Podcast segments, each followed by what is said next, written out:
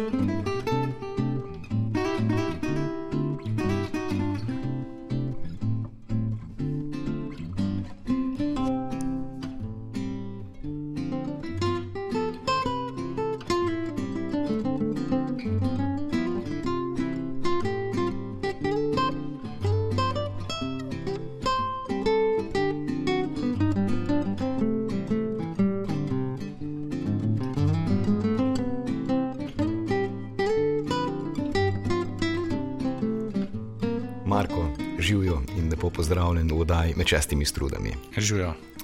Dragi poslušalci, moj današnji gost je odlični kitarist in skladatelj Marko Mozetič Mozo. V vodu ste slišali njegovo skladbo Going On, um, ki jo izvajajo sicer zasedbo Swingatan, tokrat pa ste jo slišali v duetu akustičnih kitar. Um, Marko, mogoče sprva priletiva tvojo dosedanjo glasbeno pot. Večina te pozna kot avtorja skladb Ive Stanič, Ani Frece, Eve Hren, deloval si tudi v Big Bandu, RTV Slovenija, Simfoničnem orkestru, zasedbi Electric Jazz Quartet in trenutno aktualni zasedbi Swingatan in verjetno še kje. Še kaj bi se najdel, ja, verjetno. Mogoče začneva torej, na začetku, v mladosti, kaj je bil pravzaprav tisti prvi impuls, da te je prevzela glasba? Ja, hm. Zdaj, če gremo čisto rano otroštvo, ne, hm, se spomnim ene kasete, ki je v bistvu stara mama posnela sama. Ne. Moja stara mama je bila mala materska igralka, pa zelo rada imela glasbo in je neko kaseto sama posnela, kjer je gor pela slovenske ljudske, če študent na rajžo gre pa take. Ne. Tako da jaz sem si to se spomnil v mlad, se pravi, zgodnem otroštvu, to kar rolov, ne, skozi to kaseto. Um, potem, kasneje, je pa kar, ja, prvi stik je v bistvu ne s kitaro, ampak z pihalnim orkestrom, takrat smo temu rekli godba, ne, pleh muska, uh -huh. uh, kjer sem jaz igral rok. Aha, torej začel si z rogom. Tako. Uh, v bistvu tam sem obiskoval um, glasbeno šolo, to je bila glasbena šola, ki je v bistvu organizirala godba Medvode. Uh -huh. To je bilo, jaz sem tam preživel v Medvodah otroštvo in potem sem tudi v godbi igral. Rok, normalno, umca, umca, umca, umca. torej, eh, potem je eh, tu izvira tvoja afiniteta do aranžiranja, recimo, pihal ja, in teh stvari. Ja, ja, ta sound mi je blizu. Ne. Sicer takrat godbe še niso imele, ko bi rekel, tako zahtevnega repertoarja, kot imajo danes, kot danes v bistvu pihalni orkestri, če pogledava, igrajo fantastično musko. Ne. Takrat so bile to, ki okay, bolj koračnice, mogoče kakšne popevke, ne. Ampak vse, ja, ta sound mi je blizu, zato tudi v bistvu, ko pišem za brase, uh, mi je to zelo blizu. Ne. Um, kdaj pa je potem prišla na vrsto uh, kitara? Tako v tem obdobju, pol rečemo, temu se reče taborniška leta, ne, tam 12-13. Uh -huh. uh, spet, ja, stara mama je eno kitaro domov prinesla, uh, melodija Mengeš, uh, najlonska. Ne. Sicer tiste najlonske strune sem jaz odmontiral dol. Uh, pa dal gor kovinske strune, eh, ampak eh, to ni, to ni bilo dobro. Kar ni bilo najbolje za kitaro. To, sploh se nisem razvijal, ker sem se v bistvu fizično samo utrudil. Uh -huh. um, kako pa je bilo potem nadalje z glasbenim izobraževanjem kitare? Si obiskoval um, glasbeno šolo ali kako je bilo to? Ja, v, v začetku sem bil samouk, potem sem pa imel to srečo, da sem spoznal Uroša Rakovca sem kar zelo rad celo gimnazijo, pa že konec osnovne šole ne mu hodil. Uh, lepo najprej 20 minut nesel kovček do avtobusa, pa pa z avtobusom, pa še od tam pol še ne 20 minut pešne. Tako da sem se kar natelovadil. Ampak on mi je odprl ta svet, on je takrat v bistvu Uroš Rakovec, je takrat prišel iz Amerike, je bil poln znanja in me je čist, čist navdušil, v bistvu me je hipnotiziral. Ne. Hkrati pa v smislu življenja, za kar sem mu ful hvaležen. Ja, Uroš ni eh, tako ozek, eh, bi rekla, eh, glasbenik oziroma glasbeni pedagog, ne? verjetno se spozna tudi na rock, na fusion in ja, to je tudi prenesel ja. na tebe. Tako, v bistvu je meni to pri njemu bilo všeč, ker on je zagrabil električno kitaro, ne vem, je zagrabil akustično. Uh, vem, da takrat je on veliko igral tudi ta stil Aldi Meola, ki ga je Aldi Meola igral, potem itak je igral klasično kitaro, fusion, rock, satrijanja, vse to je bilo Sprav tista njegova klet je bila polna muzike. Ne. Hkrati je pa še začel takrat on se spomniti za teater komponirati. Ne. Pa Atarija, mislim, da je imel Atarija, Amigo, se ne vem, kaj je imel za, za muziko, to je bilo wow. Ne, to, Mi se moramo zdaj mi, da to, a veš. V teh analognih, čas, mislim, analognih časih, ja. ki so bili, ne, je bil vsak, v bistvu, um, vsaka komponenta iz digitalne dobe neka novost oziroma nek presežek. Ne. Či, mislim, jaz mislim, da to, to je vesolje. Zdaj, če pogledava, to je v bistvu 30 let nazaj. Uh mhm. -huh. To so bile kasete, ok, CD-ji rečemo, da so tudi bili, ne, ampak uh, trak, ne, uh, ni bilo YouTube-a, se pravi. Uh, Mislim, da si danes mladi to sploh ne predstavljajo. Pravzaprav ne, tu, um, moramo podariti, ne, da v teh letih ni bilo lahko biti kitarist oziroma instrumentalist. Tukaj mislim predvsem na informacije o kitari, ne, kitarski tehniki, notne materiale, do katerih je včasih bi bilo precej težko dostopati. Seveda pa ne, s pojavnostjo interneta um, mlajše generacije teh težav več nimajo. Kako si se ti v bistvu spopadal s tem pomankanjem informacij v času? si kupoval tudi kakšne glasbene revije ali kaj podobnega. Ja, recimo, če urišava, kako si takrat prišel do ene kasete, ne, če si jo hotel kupiti, se pravi, med vodah si se usedel na avtobus 15, ko si se pelil v center, na Bavarskem dvoru v avtotehno in tam si šel po kaseto, ne Vlado Kreslin, Martin Karpanec, ne kaj, mm -hmm. pač to je bilo takrat. Um, Drugač neke kasete, ja, smo si sošolci, to pač nekdo je prinesel John Bon Jovi in smo si ga vsi presneli, to je bilo v osnovni šoli, mislim ni to. ne, to, to jaz mislim, da si danes to sploh ne znamo predstavljati, zato ker informacije danes dobimo v eni sekundi na klik, katero koli želimo. Ne. Ja, včasih pa ni bilo tako uh, enostavno. Ne, to je si... čist druga dimenzija. Ja. Zdaj, uh, znanje, ja, znanje, to prvo resno znanje o jazzu in o, ko bi rekel, tej resni glasbi, ja, je pa sigurno zaslužna ta hiša RTV Slovenija. Uh mhm. -huh uh, Brane Ročel, njegova oddaja iz odra. To je bilo meni ja. najboljše, kar sem lahko v bistvu slišal in videl. In, in njegov, ko je še on imel fest, jazz festival v Križankah, to mi je bilo, to mi je bilo wow. To je bila pravzaprav edina to vrstna oddaja ne, v Sloveniji. Tako. Če še ostaneva, mogoče malo pri teh um, analognih časih. Um, kako pa je bilo v, v tem obdobju za tebe transkribirati skladbe? Ne? Vemo, da uh, analogna tehnika tega upočasnevanja sicer je omogočala, ampak je spremenila tudi tonsko višino. Kako si se v bistvu ti spopadal s tem? Ja, to je šlo tok prevrtavanja tiste kasete, da je pač se uh, trak zdrsal, oziroma tudi da je tudi strgal. Ja, to je bilo kar naporno. No. Potem smo operirali, ne, trak odrezali ne, in ga za, Tako, z ja. tepom kar- zalepili. Pa če sem imel to srečo, da sem lahko Uroša vprašal, Uroš, kaj pa je to, a ne tle.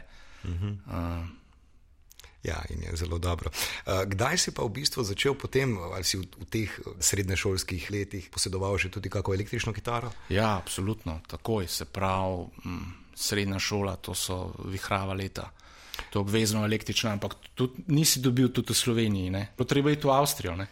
Katera je bila, oziroma katera firma? Ibanis, Aha, RG, mislim, da je bilo znaka RG, zdaj pa ne vem, koliko točno. ja, rock gitaro, glavno, Ja, ja, za ja. te čase. um, prva zasedba v tem času, v kateri si deloval, kaj ste igrali, kakšno zvrst, um, mogoče celo demonstriraš, kak rif. Ja, to, jaz sem imel res srečo. No. V bistvu smo imeli vsi takrat v gimnaziji, smo se srečali, se pravi, Murat in Joes, tandem Murat in Joes, to smo pa jaz, Gašpar Kačer, pa Jaka Strajnar. V bistvu smo bili vsi sošolci. Na gimnaziji in smo takoj začeli, pač Joes je že takrat poslušal rep, jaz ga še nisem tok. Jaz sem bolj nekako mm, te jazz vode spoznaval. Uh, In potem smo imeli bend, ki smo se imenovali Captamur, igrali smo nek tak funk, hip hop. In uh, ne vem, jaz sem recimo zvedel sem za Amul 7. Ne. In to pa recimo ne, ne D7, ampak D7, 9. Ne. To je bilo wow. Ne. In pol z tega nek rif nastal, ne en skaptamarja, mislim, da je bil komat naslov I, I like ladies. Ne.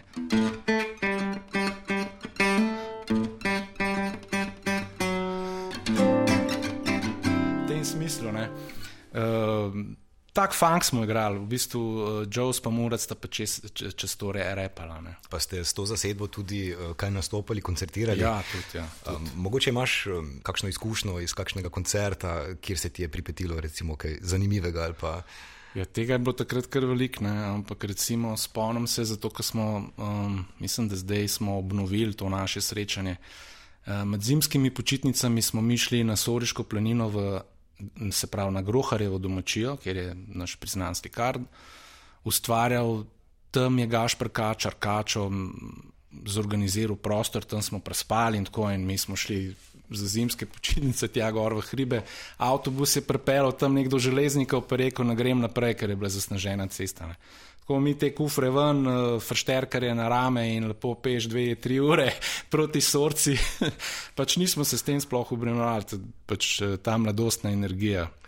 To je bilo noro, no, tako. mm, To, kar zdaj, ko gledam nazaj. Škoda, niso neki posnetki, da bi rekel, da so posnetki, da bi bili um, inženirsko oziroma tehnično primerni, ampak eh, se pravi, lansko leto smo obnovili to naše srečanje spet na sorci, 40-letniki. ne. in zdaj bomo imeli tradicionalno srečanje in sigurno bomo nekaj tudi posneli in um, bomo z veseljem pokazali, kaj se nam je v bistvu v gimnaziji dogajalo, kaj se nam pa zdaj. Ja. super. Um, Mogoče um, ne, kak prvi nastop, pa si tudi ti imel veliko treme. Recimo, sam se spomnim, deloval sem v eni um, metalski zasedbi in vem, da sem imel toliko treme, da so se mi prsti oziroma roke že avtomatsko tresle, kar sem potem pravzaprav dal roke položil samo na vrat kitare in uh, je bilo to to, ne, zaradi treme. Ja, jaz mislim, da tudi to moraš čezdati kot glasbenik. Ne? Pač, eh, ali pa ne vem, prideš na oder, začneš igrati 8 taktov, na kaj gre, potem je pa blackout. ne. mislim, da pač to je odraščanje. To je, pač tako je, sej, eh, ja, sigurno sem imel tremo. Sej, sem, v bistvu sem kar vesel, da tudi danes je trema prisotna, zato ker me v bistvu to uh, me spravi v nek fokus. Uh -huh. ja. Um, kasneje pa si študiral tudi uh, jazz kitaro v celovcu, uh, usporedno pa tudi klasično kitaro. ne? Ja. Um, kako je bilo torej presedlati z klasike na jazz? Verjetno je tu kar velika razlika. v načinu oziroma filozofiji pri jazzu imamo več improvizacije, medtem ko v klasiki uh, kot instrumentalisti smo pravzaprav omejeni mogoče um, samo na interpretacijo skladbe.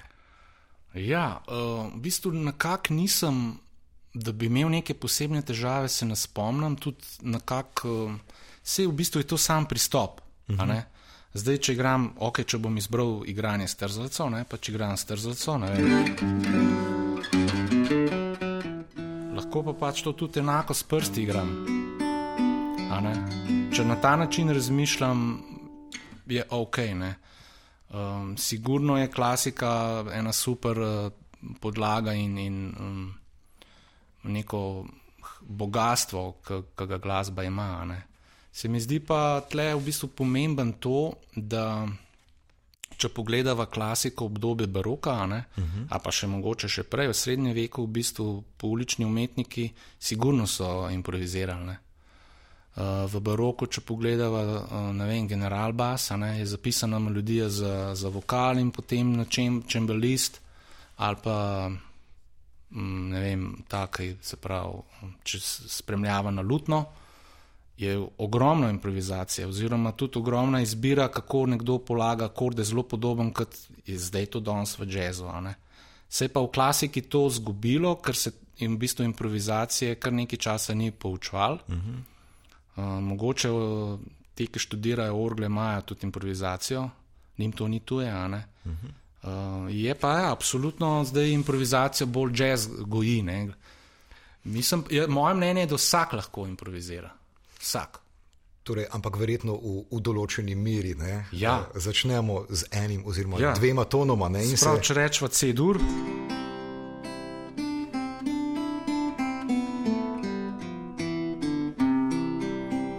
Čist prepor, nekaj pač preprostega, ampak je nek začetek improvizacije. Ne? Tako, um, kasneje pa si študiral tudi kompozicijo na um, Berkeley College of Music um, v Bostonu. Ja. Um, kakšni so bili tisti prvi občutki, ko si recimo stopil čez vrata takšne eminentne inštitucije kot je Berkeley? Ja, to je kar uf, uf, ki stopiš kenot. Jaz sem začutil to, kot je en slab znanja, ki bo pač me polivne. In sem tudi stvari tam tako vzel. Um, zelo rad sem uh, zahajal, oni imajo Learning Center, uh -huh. v kater to je nek tak uh, center, v katerega prihajajo ljudje iz uh, glasbene industrije, ki so že uveljavljeni, ali performerji, ali kompozerji, ali uh, sound inženirji. Uh, ali ne vem, bilo je predavanje, kako YouTube, kako ne, v bistvu stvari delati za YouTube in tako naprej. Pa ne vem, eh, tja si lahko prišel, pa je bil vedno na razpolago nek profesor iz posameznega področja, pa si ga vprašal, vem, kako pa reverb deluje ali pa ne vem, take stvari, uh -huh. ki te zanimajo. Tako da tam sem zelo velik časa prebil. Je to en slab znanja in sem zelo vesel, v bistvu, da, da sem lahko tudi znanje malo združil, ker se mi zdi, da sem imel malo bolj ene stvari popredalčkane, ne klasika je tle, pa jazz je tam, pa tako. Um, Kaj pa recimo vem, glasbena scena v Bostonu? Verjetno veliko bolj živa, veliko več glasbe, veliko več glasbenikov, veliko več konkurence. Kako si recimo ja, to doživljal? Na, na Berkeleyju se kar dogaja, ne? tam v performing, cen, v performing centru so skozi koncerti. Drugač Boston je bolj študijsko mesto uh mhm. -huh. za različne, se pravi, različne fakultete. Ampak sem zelo vesel, gor, pa če spoznaš ljudi iz celega sveta. Um, jaz sem zelo vesel, v bistvu, da sem se z nekaterimi zelo dobro povezal tudi če zdaj z njimi sodelujem. Uh, recimo najbolj zdaj sicer sodelujem z Jrnejem Brvarjem, ki je vstal, mm. on je zdaj že deset let v New Yorku, tam deluje na sceni in doskrat mu naredim kakšno aranžma, priredbo. Uh, ali pa on recimo meni naredi kakšno produkcijo in tako, ajda Stina Turek, naprimer. Tako da sem vesel, da so ta sodelovanja ostala, pa tudi pač eh, international, se pravi mednarodna sodelovanja. Včasih me kakšen sošolc uh, pokliče in reče, da bi lahko le eno priredbo naredil. Pa, ne vem, za godalni kvartet pa pol naredim. Ne, pa. no, eh, če sedaj mogoče fokus uh, zamenjava in se osredotočiva res na kitaro, vrat kitare je eno poglavje, recimo, s katerim se mora vsak uh, spoprijeti. Vemo, da smo kitaristi pravzaprav dobri vizualizatori, um, seveda zaradi narave inštrumenta moramo razmišljati v schemah, lestvicah um, oziroma povezujemo pike med sabo. Um, kako je pri tebi to potekalo, to raziskovanje kitare oziroma vratu kitare? Uh -huh. Ja, to je v bistvu pri kitari kar problem, uh -huh. ker lahko pač isti ton ne, uh, zaigrava pač na različnih, ni tako kot na klaviru. Ja. Uh, zdaj jaz sem izhajal kar iz Bereja, korda iz uh -huh. tega najbolj fizično naporne zadeve. zdaj pa lahko pač gledam uh, vertikalno ali pa horizontalno. Se pravi, že, če, če, če vidim vizualno, če vidim pač bare, lahko iz njega izberem tone, osnovne tone akorda, se pravi, če imam zdaj G-dur, osnovni ton terco, kvinto, pa spet tako naprej. Ja. To je en pristop, um, se pravi, da izhajam iz akorda. Enako so tenzije ali pa. Uh, torej, vse vidiš, ne vidiš. Tako vidim. Ne? Uh -huh. Recimo, uh, kot bi bil začetek. Drugo je pa potem, ko začneš le, lestvični sistem. Se pravi, ista lestvica, če ima Gedur. Ne, recimo, probam začeti z, uh, z drugim prstom. Ne? Se pravi, zdaj sem začel s sredincem, zdaj težko, ko se to navid, ampak se pravi, probam drug prst narediti, ampak uh, je, je druga, tudi druga pozicija. Eni pravijo, tem sedem pozicij. Ja. Uh -huh. Se pravi, da se po sedmih pozicijah sprehajaš. Čeprav ne, ne začnem vedno na osnovnem tonu. Ne. Ne, pač. Um, če se že ustaviš na katerem tonu, verjetno ni to osnovni, ampak je. Ja, zdaj, če hočeš barvati, je fajn, da se recimo na, na, na devetki ustaviš, odvisen kakor kort imaš, ne, kaj pa še česa. Ne. Zdaj, recimo, fajn je molka, recimo, če ima Gimol 7, ne, pa še v bistvu vse, ne, ni, ni tega avoid tona. Ja, ja, ja, ja. Zdaj, ok, jaz sebe nisem, jaz, ko bi rekel, tok lestvični kitarist. Uh -huh. Jaz bolj igram melodijo, ker mi je to blizu, se pravi, probujem neko melodijo ustvariti, pa je pol razvijati. Tako, torej, uh, izhajaš iz akorda in Tako. iz tega nekaj, potem razvijaš. Ja. Um, kaj pa sicer, ko, ko improviziraš, uh, razmišljaš o schemah, diagramih ali samo um, torej, tonalno, ne lestvično? Uh, vse, v bistvu mešam uh -huh. različne pristope. Ne? Um, probam pa razmišljati, kot je en pevc, veš, ali pa uh mhm. -huh. recimo en trubentač, ampak ne igra veliko not. Ja, ja. ja. Recimo, ampak tiste, ki odigrajo, ja, pa so na mestu. Ja, probaš izbirati, ne vem, zdaj če ima več.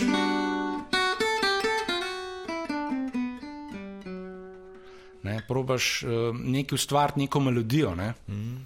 Zdaj, vse je ok, pač včasih tudi, če so hitri tempi, pač si prisiljen v to, da moraš pač eh, iz, izbirati, re, rečemo temu, mišični spomin, ne gre drugače.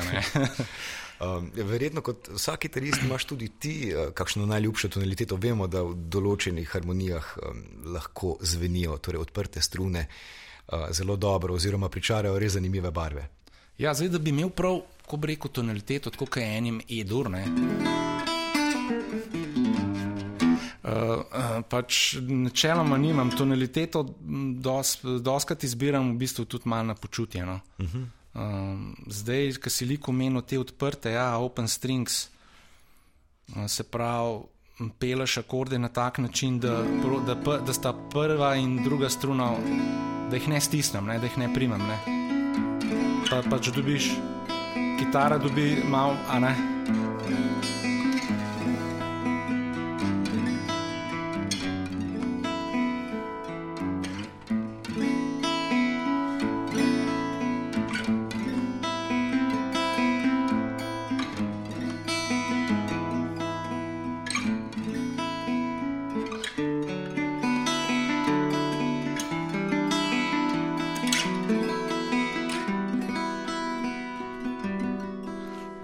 Pač ta. No, sedaj si se že malo izdal. Ko smo že ravno pri teh barvah, kaj bi recimo odigral na recimo akord Amol 6? Aha. To, to je tudi super vprašanje. ne. Zdaj, kaj bi jaz zdaj igral? Ne? Recimo prva izbira. Bi zaigral neki, bi neki probo za pet s kitaro, ne, ne vem.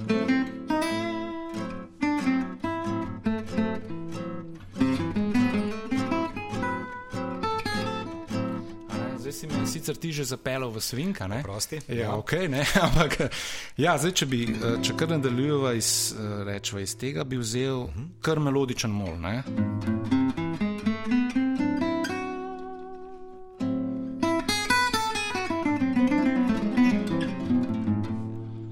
Ja. Pa recimo na. Ampak da je tle še, ker mol, ne, mol je, je, je, to je res en bazen. veš, eh, lahko bi tudi, uh, recimo, rečva, pa deva reči čistko po pravilih, ne, če zdaj bolj govorim kot pedagog. Amol 7 pa so isti, a ne bi imel pa Dorsko.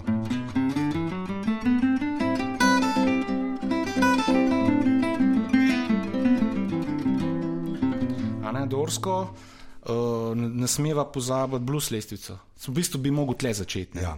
V bistvu bi mogel z blues lestvico začeti, to meja kulpa v bistvu. mogel bi.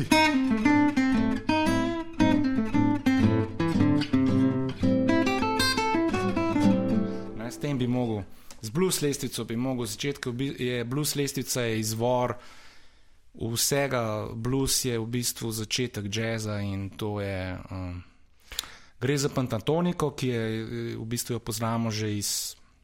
Po celem svetu, potem so pa ta Blue Note dodali. ne. Torej imamo šest tonov, ja. ne, in če še enega dodava, ja. s, smo že pri Tako, ne. običnih lestvicah. Ne. Um, ne vem, tudi naravni mol. Uh -huh. Tudi naravni mol, sploh v klasiki uporabljajo veliko naravni mol. Ne? Harmoničnega, tudi če to, zakaj uh -huh. pa ne. ne?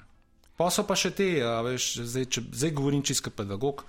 Um, recimo, razmišljam um, dominant approach, a ne. Uh -huh.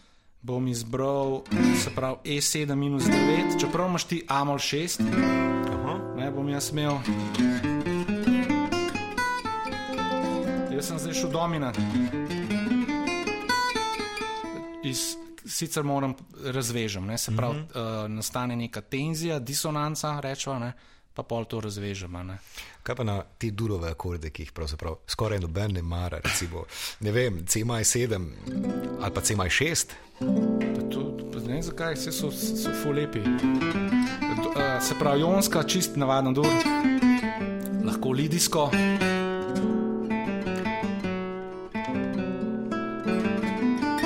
Lahko pa tudi spet razlišim, imam čez to kot mol, vzamem amol pentatoniko.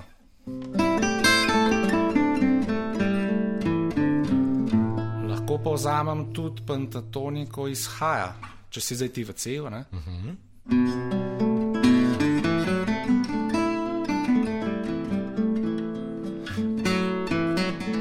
Dobiš pač neke barve. Ne? Um, mislim, a veš, teh teoretičnih možnosti je, je, je, je zelo veliko. Jaz pač osebno naj, jaz vedno provam neko melodijo narediti. V tem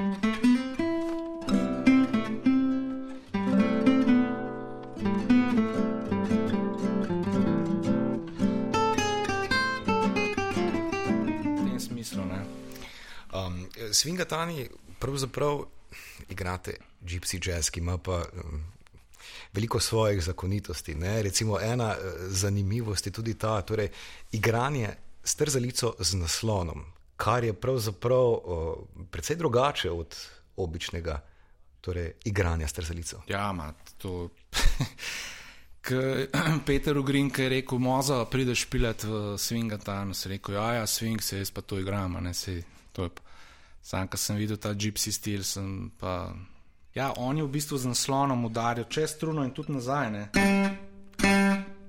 To je udarc navzdol ali pa nazaj in to je v bistvu fizično zelo naporno. Ja, in pravzaprav, ne, ko, ko, ko si recimo um, se učil igranja s trzalico, ne vem, alternate pickinga in te. To je pravzaprav, uh, ko začneš igrati gypsy jazz, je kot bi se na novo naučil tehniko. a ne? Ja. Tudi ta la pomp, se pravi ta swing drive, la pomp, mu oni rečejo, je v bistvu drugačen od navadnega ne, tega uh -huh. swinga, ne vem, uh, Freddy Green ali pa ne vem, uh -huh. Joe Pass. Ne, oni imajo bolj.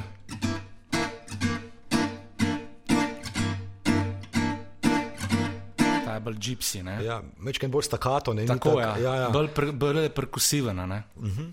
In je že to, tudi roko, roko mečkam bolj naprej, ne, se postavil. Pa še nekaj sem ugotovil, trzalca v bistvu mora biti zelo mehko, moram držati. -huh. Trzalca v bistvu na meji, da se mi vrti.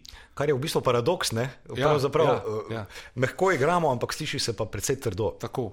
In v bistvu tudi riskiraš, da ti pade trzalca na tla, Uh, kar se tudi zgodi. Dobro je Ok, imeti pač. kako trzalico V žepu pri roki, ne v žepu. Ja.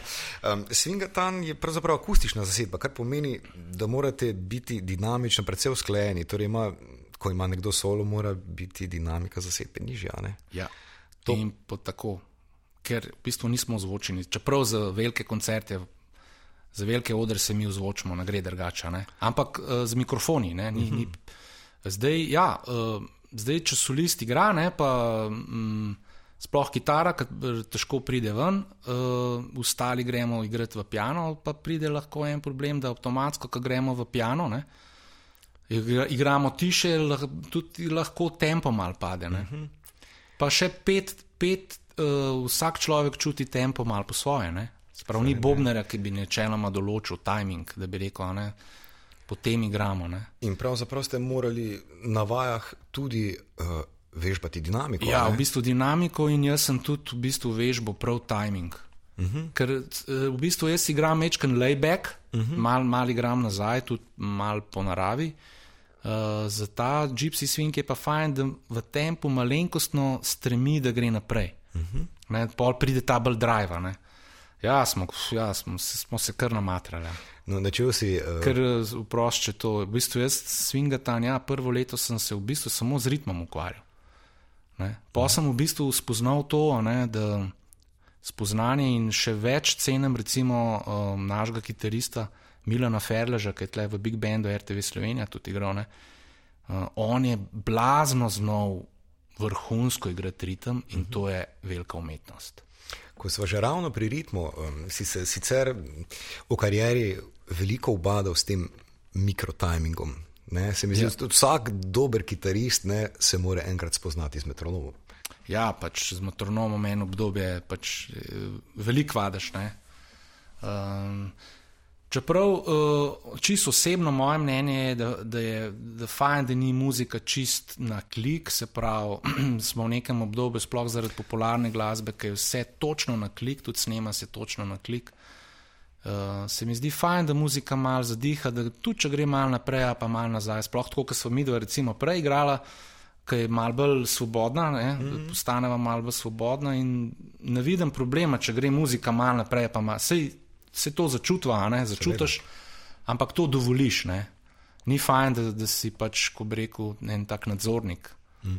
Uh, ne. Um, seveda pa je kot um, vsak instrumentalist, verjetno uh, si se tudi ti ukvarjal z zvokom oziroma zvenom kitare. Ne? Večina zvoka um, bi se verjetno tukaj oba strinjala, prihaja iz prstov, trzalice in seveda tehnike vzbujanja strun. Um, kdaj si se pravzaprav začel zavedati lastnega zvoka in um, kakšen pomen mu pripisuješ? Ja, v bistvu pozno. V bistvu zelo pozno sem začel o, kot kitarist, kot komponist. Se mi zdi, da sem dosti hiter najdel en zvok. Tudi uh, neke barve. K, kot kitarist, pa res je tudi, neko obdobje nisem igral, ker sem imel težave z roko. Pa tudi veliko sem glasbe pisal, na, mislim, sem igral doma, nisem igral pa pač na odru. Uh, mislim, da prav s to zasedbo Swingatan in uh, to druženje z Marko Čepakom, Makijem, mi je v bistvu to prenesel, da sem začel ja, malo razmišljati o svojem zvoku. V bistvu je to bolj filozofsko vprašanje. Uh -huh.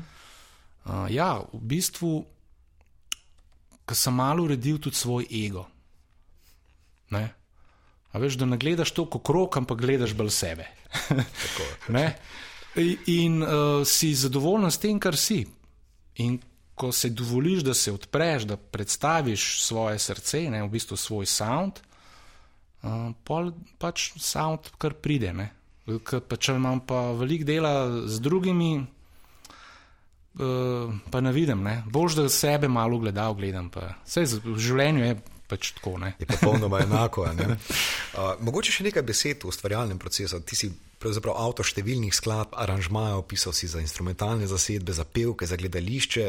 Kako sicer izgleda ta ustvarjalni proces pri tebi? Gre za uh, to neko dolgotrajno zgodbo ali uh, ideje, pravzaprav kar stresaš iz rokava? Uh, ja, čisto odvisno. Doskrat je tako, da ja, v bistvu uh, večinoma je tako, da gre ta proces zelo hiter. Uh, tudi pišem na svinčnikom na papir, ker se to hitro dogaja, skiciram in v tem naprej gre pa vse potem v računalniku, v Sibili, s programi in se to odvija tam. Ampak ta osnovna ideja ponavadi je hitra. Zdaj uh mhm. -huh. muziko pač pišem za različne zasedbe. Uh, sploh če pišem za pevce, rad vidim najprej tekst rad uh -huh. preberem tekst in v bistvu pišem na tekst. Uh, jaz se probujem v ta tekst uživeti in uh, kar tekst poroča, te ta čustva, ne, uh -huh. v bistvu ponazoriti tako. Um, koliko te glasbe pravzaprav nastane iz navdiha pri tebi in koliko uh, potem uh, skozi razumsko, torej razumsko miselne procese, ali gre sta ta dva procesa pri ustvarjanju pri tebi uh, z roko v roki. Ja, uh, v bistvu gresta. Čeprav ta osnovna ideja je, je ko bi rekel, je fajn, da je stvar navdiha. Veš, to je tudi, uh, jaz zelo rad veliko hodim, pa hribolazim, se tudi tam se to dogaja. Uh mhm. -huh. Sploh, ko najdeš en svoj mir, takrat, ko rataš uh, mečkam bolj pretočen, pa dovzeten za naravo. Uh, ali pa dovzeten za, za medosebne odnose, to, takrat to nastaja v bistvu. Ne? Uh, zdaj, to, ja, uh, potem pa seveda se vklop tudi razuma. Ne? Oziroma, jaz temu rečem obrtništvo, Tako, da sem ja. obrtnik. Ja. Ker pač za ne vem, uh, neka kort, kako postaviti, recimo za, za, za godalni kvartet, pač to je obrtništvo. Ok, sej lahko pač greš drugače, pa ne vem, uh, križanje glasov, pa ne vem, kaj se vse lahko dogaja, ampak. Uh, neko obrtništvo mora biti in takrat laufa razum. Ali pa če neki, ko igraš, ne, neki pač igraš, se niti ne, niti ne ukvarjaš, kaj igraš, ne, sam neki peleš, ne, neki igraš in pol pa, aha, no, da vidimo, kaj pa je to, pa pač vklopiš analizo, hr, harmonsko analizo in. Kot si predajal, imamo boljše in slabše obrtnike, ne, eni delajo to boljše, eni slabše. Veliko bendov sicer gradi glasbo na tak način, da najprej nekako začrta neko harmonsko eh, podlago, pa na to naredi mel melodijo. Eh, kako je to pri tebi? Verjetno mm -hmm. izhajaš bolj iz melodije. Uh, če za pevce, pol, ja. Z, uh, ampak tudi, ja, včasih tudi v bistvu najprej nastane nek, neka harmonija. Recimo. Neka harmonska uh mhm. -huh. zadeva nastane, pa pol na, na to melodijo. Ja, ja. Vidim tle v bistvu, se mi zdi, vse, kar je ustvarjalni proces, je, je ok. Ja, ni pravila. Ne? Ja, ni, mislim, da ga ni. Včasih tudi, se, če pogledamo, rok muska v bistvu nek rif, ne, nek rif, ne vem, je na redu. Ja, v bistvu je ne. Ima... Hukap, ne, se pravi ta trnk, ne. K... Tako ima in harmonsko, ja, in melodično ne. osnovo, ne, pravzaprav ta rif. Ja.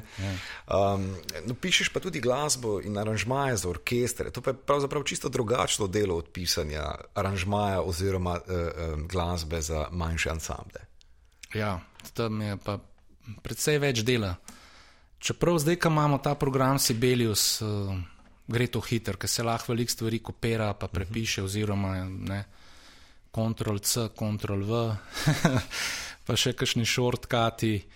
Uh, drugač, pri orkestru je tudi fajn, veš, da, da, da probaš se nekako uplest v, v, v te inštrumente, pa slišati te barve, pa izkoriščati v bistvu inštrumente za, za, za barvanje. Uh mhm. -huh pa se pravi, katere, katere recimo dva inštrumenta družiš, kako barvo boš dobil. Tako kot v bistvu mi imamo kitaristi pedala, imamo distorzion, pa korus, pa ne, vse je zelo podobno. Ne? Tam boš pa ne vem, recimo, ne, uh, obo pa flauto, ne da v oktavo ali ne vem, sem, ne? Uh mhm. -huh. ali pa ne vem, prvo violino pa čelo v, v oktavnem uh, ne, unisu, neka melodija. Ne? Um, ko komponiraš, uporabljaš klavir, kitaro, Ja, oboje, oboje. oboje. Ali pa samo uh, zdaj to, kar sem na zadnjem delu za Ani Frece, je bilo kar dost, v bistvu kar ene vrste solfeđiranja, žvižganja in potem v tem naprej. Uh, Drugače, ja, klavir, kitara.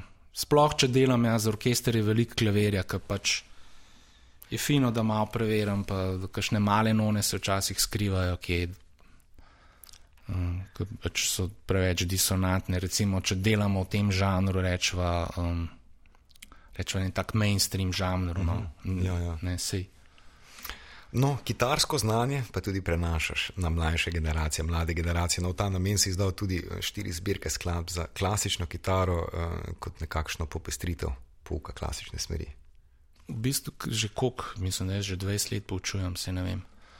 V tem času sem malo spoznal, da, da bi bilo fajn, da bi mladi ker ni še kaj drugega spoznala, ker se mi zdi kitara tako res brvita, res večplastna. ne. Tudi, a veš, klavir je klavir, dobro imamo pol še Rhodes, pa Hammond, ampak ne, kitaristi imamo pa res veliko različnih medijev. ne. Pravi, najlonske strune, ne, električna kitara, pa ukulele, pa banjo, pa ne vem. Ne. Imamo kar nekaj izbire. Ne?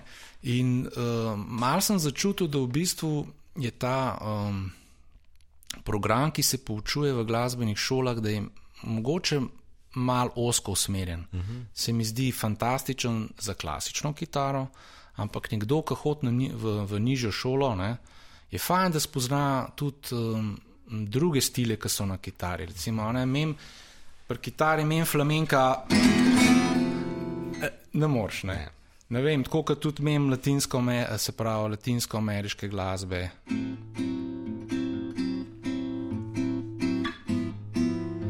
A ne? -hmm. uh, do Jimi Hendrixu. Ne, a ne? se mi zdi, da je tako, tako da sem probil v bistvu te skladbe uplesti, se pravi, neke primesi oziroma neke značilnosti roka, um, bossa nove, bluza, uh, jazza, kot tudi rečemo neke klasike, ki se, m, ki se ustvarja danes, rečemo neka, ne vem, ko bi temu rekel, post-neoromantika, ne vem. Uh, ampak ni pa to uh, dodekafonija, se pravi 12-tonska disonantna glasba. Ne. Kaj pa ti recimo pomeni učenje? Ne? Nekaterim uh, glasbenikom je to nekako breme, nekako neka nuja za preživetje, ampak se mi zdi, da poučevanje zna biti tudi zabavno in recimo izpolnjujoče za glasbenika. Kako recimo ti to dojam, dojemaš?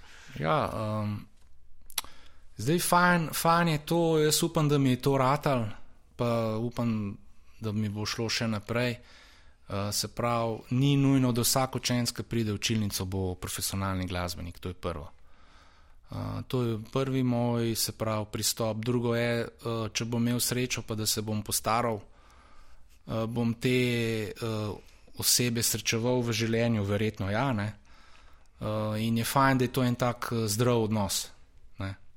Pa da, da, da otroci, oziroma kdorkoli, se tudi starejši, da gojimo eno ljubezen do glasbe in s tem do kulture in do, do boljšega sveta. Uh, drugo, kar pa kot pedagog, ja, včasih je kakšno stvar, ki recimo jo jaz zaigram čistko, ne, z lahkoto, pa tudi sploh ne razmišljam, kje je harmonska podlaga za to, pa pride kakšen učenec pa reče, ja, kako je zdaj to, ne, odkje je zdaj to, ne. In moš pa tudi malo pomisliti, očakaj, ne, kako pa bom jaz to v bistvu pravilno razložil. Konec koncev 2-5-1 sistem, ne, se pravi, mol 7 na, na drugi stopni, na peti stopni, dominanten akord in na tonični uh, dur z veliko oziroma major 7 akord. a ne. Kako to razložiti, pa kako nekoga v bistvu pripraviti, da bo malo začel ali improvizirati. Um, Ker ni nujno, ne? recimo nekatere stvari, ki sem jih jaz z lahkoto zaigral, jih lahko nekdo, konec koncev, nek prstni red, ne. Je lahko že delati nekomu težave, ne, pa je treba najti rešitev. Marko, hvala, da si se odzval uh, na tole povabilo. Upam, da si užival tako kot jaz uh, in želim ti veliko sreče v prihodnje. Hvala za povabilo. Dragi poslušalci, današnji gost med šestimi strunami je bil kitarist, skladatelj in aranžer Marko Mozetič Mozo. Hvala za vašo pozornost, moje ime je Andrej Prezel in se slišimo v naslednji epizodi, ko bo z nami Andrej Ofak.